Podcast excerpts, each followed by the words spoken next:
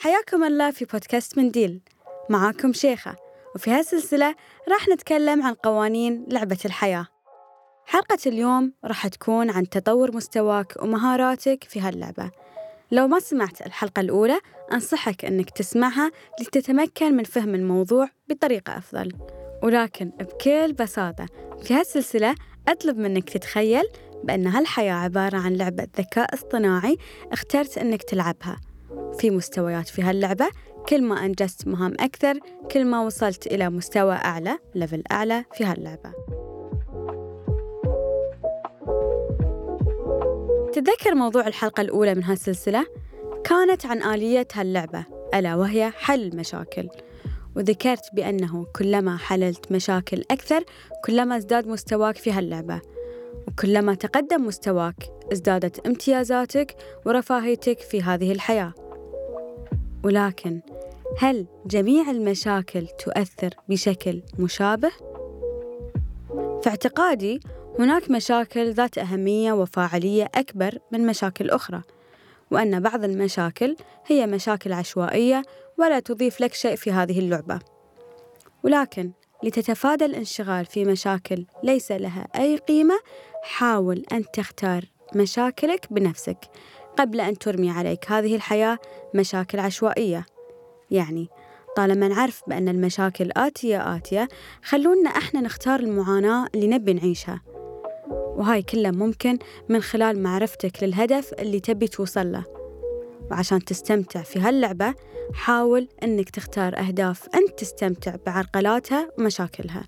مثلا إن كنت تستمتع بمجالسة الأطفال من الممكن أن تدرس الأطفال أو تعطي ورشات أعمال يدوية لهم أو تسوي لهم فعاليات ثانية.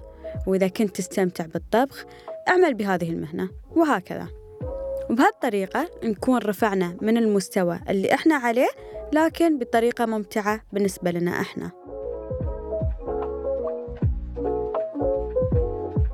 دعوني أعود لموضوعي الأساسي في حلقة اليوم ألا وهو تطور مستواك ومهاراتك في هاللعبة برأيكم شلون يشتغل نظام المستويات في لعبة الحياة يعني إذا كان المستوى الأول هو النجاة عن طريق الوجود في مكان آمن والأكل والشرب فما هو المستوى التالي؟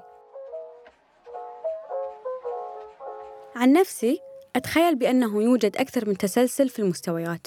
يعني في التسلسل العام وفي تسلسلات فرعية داخل التسلسل العام. وكان الحياة عبارة عن مجموعة ألعاب في لعبة واحدة. مثلا ممكن أنك تكون في المستوى العاشر في اللياقة البدنية ولكنك في المستوى الأول في العلاقات والمستوى الثلاثين في المال وهكذا. لذا حاول بأن تطور عدة جوانب من حياتك وحبذا ألا تصب كل تركيزك على جانب واحد بس. طول عمرك. ولكن هذا لا يعني بأنك تتعلم أمور عشوائية ما تخدم أهدافك الأساسية.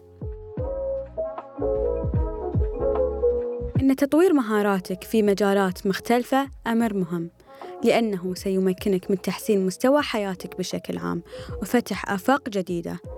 ولكن حاول أن تكون هذه المهارات مرتبطة بعض الشيء. شلون؟ يعني مثلا تعلمك لمهارة البرمجة بالإضافة إلى مهارات التسويق ومهارات تنظيم الوقت سيسمح لك بأنك تصنع برنامجك الخاص وتسوق له ومن ثم هالشيء راح يحسن من حالتك المادية والاجتماعية لأنك راح تكسب معرفة ناس في هالمجال وراح تتجلى لك فرص أكثر.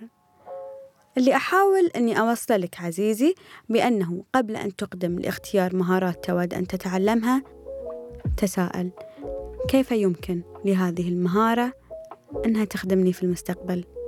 وما هي المهارات اللي أملكها اليوم وقد تندمج مع هذه المهارة؟ أو ما هي المهارات الأخرى التي قد تفتح لي مجالات أكثر مع هذه المهارة؟ وكل ما كانت هالمهارة تخدم مجالات مختلفة كل ما كانت أفضل مثلا اللغة الإنجليزية راح تفيدك مهنيا وعلميا واجتماعيا.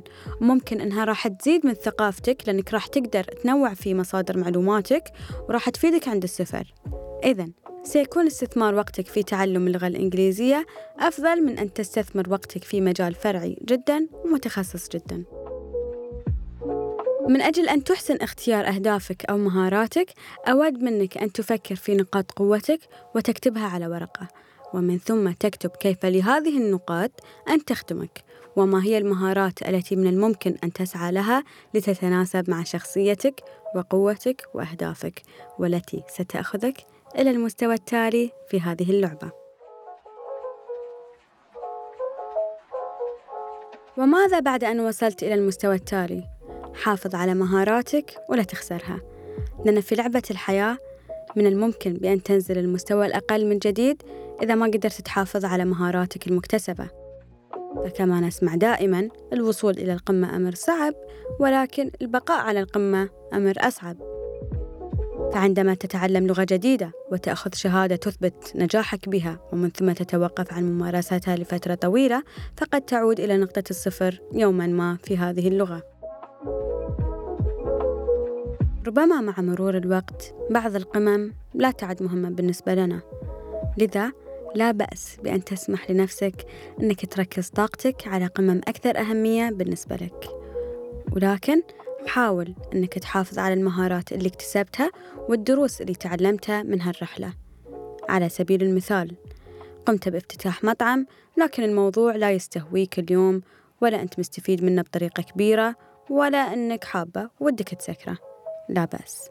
سكر المطعم ولكن تذكر المهارات الإدارية التي اكتسبتها أثناء إدارتك لهذا المشروع أو الأخطاء التي قمت بارتكابها لئلا تقوم بارتكابها في المستقبل أثناء تحقيقك هدف آخر. ومثلا حفظت قصائد لفترة طويلة وتميت دائما تراجعهم وترددهم عشان ما تنساهم لكن اليوم ما يستهويك الموضوع. ولا ودك تنشغل في مراجعتها. فلا بأس يمكنك نسيانها ولكن حاول أن تتذكر الحكم والمعاني اللي استفدتها من هالقصائد أو حتى الأفكار. يعني مثلا يوم من الأيام تقول في بيت قصيدة بما معناه بأن كذا وكذا وكذا. مو بلازم تتذكر البيت بالضبط. دعوني أتطرق للمزايا التي ستتجلى لك كلما وصلت إلى مستوى أعلى في هذه الحياة. في الواقع الامتيازات تتجلى لك عندما تكون مستعد لها. يجب عليك أن توفر المساحة لاستقبال المزيد. إن كنت تبحث عن علاقة أو صداقة فيجب عليك أن تتخلص من العلاقات القديمة التي لا تفيدك بشيء عشان توفر مساحة كافية للعلاقات الجديدة. وفقط عندما توفر هذه المساحة ستستطيع الحصول على ما تريد. ليس فقط في العلاقات لكن في كل المجالات. مثلا قد لا تمتلك مشروعك الخاص فيك اليوم وهذا لأن طاقتك ووقتك ما يكفون. ولكن ما أن ترتب يومك وتقلل من إهدار طاقتك على الأشياء اللي ما تستاهل. راح تشوف بأن أمور المشروع بدأت تتيسر لك.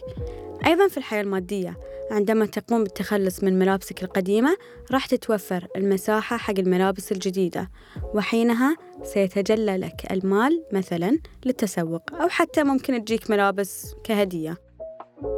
ما أحاول إيصاله لك هنا عزيزي المستمع لا تتوقع الحصول على المزايا دون أن تكون مستعد لها. مرة ثانية لا تتوقع الحصول على المزايا دون أن تكون مستعد لها. يجب عليك أن تزيد من مستواك لتصل إلى مستوى هذه المزايا. يجب أن توفر مساحة كافية من الوقت والطاقة والمادة للوصول. عزيزي تذكر دائما بأن تستمتع في رحلة تطورك وحاول بأن تنير طريق اللاعبين الآخرين أيضا وتساعدهم على تجاوز تحدياتهم. فمن يعلم ربما مساعدتك ودعمك يضيف لك نقاط إضافية لرصيدك في اللعبة ويؤهلك للوصول إلى مستويات أعلى وامتيازات أكثر.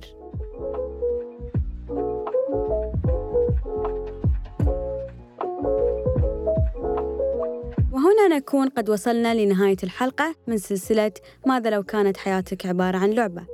إذا عجبتك الحلقة شاركها مع أصدقائك وأهلك لتعم الفائدة. ولا تنسى الاشتراك في القناة ليصلك كل جديد.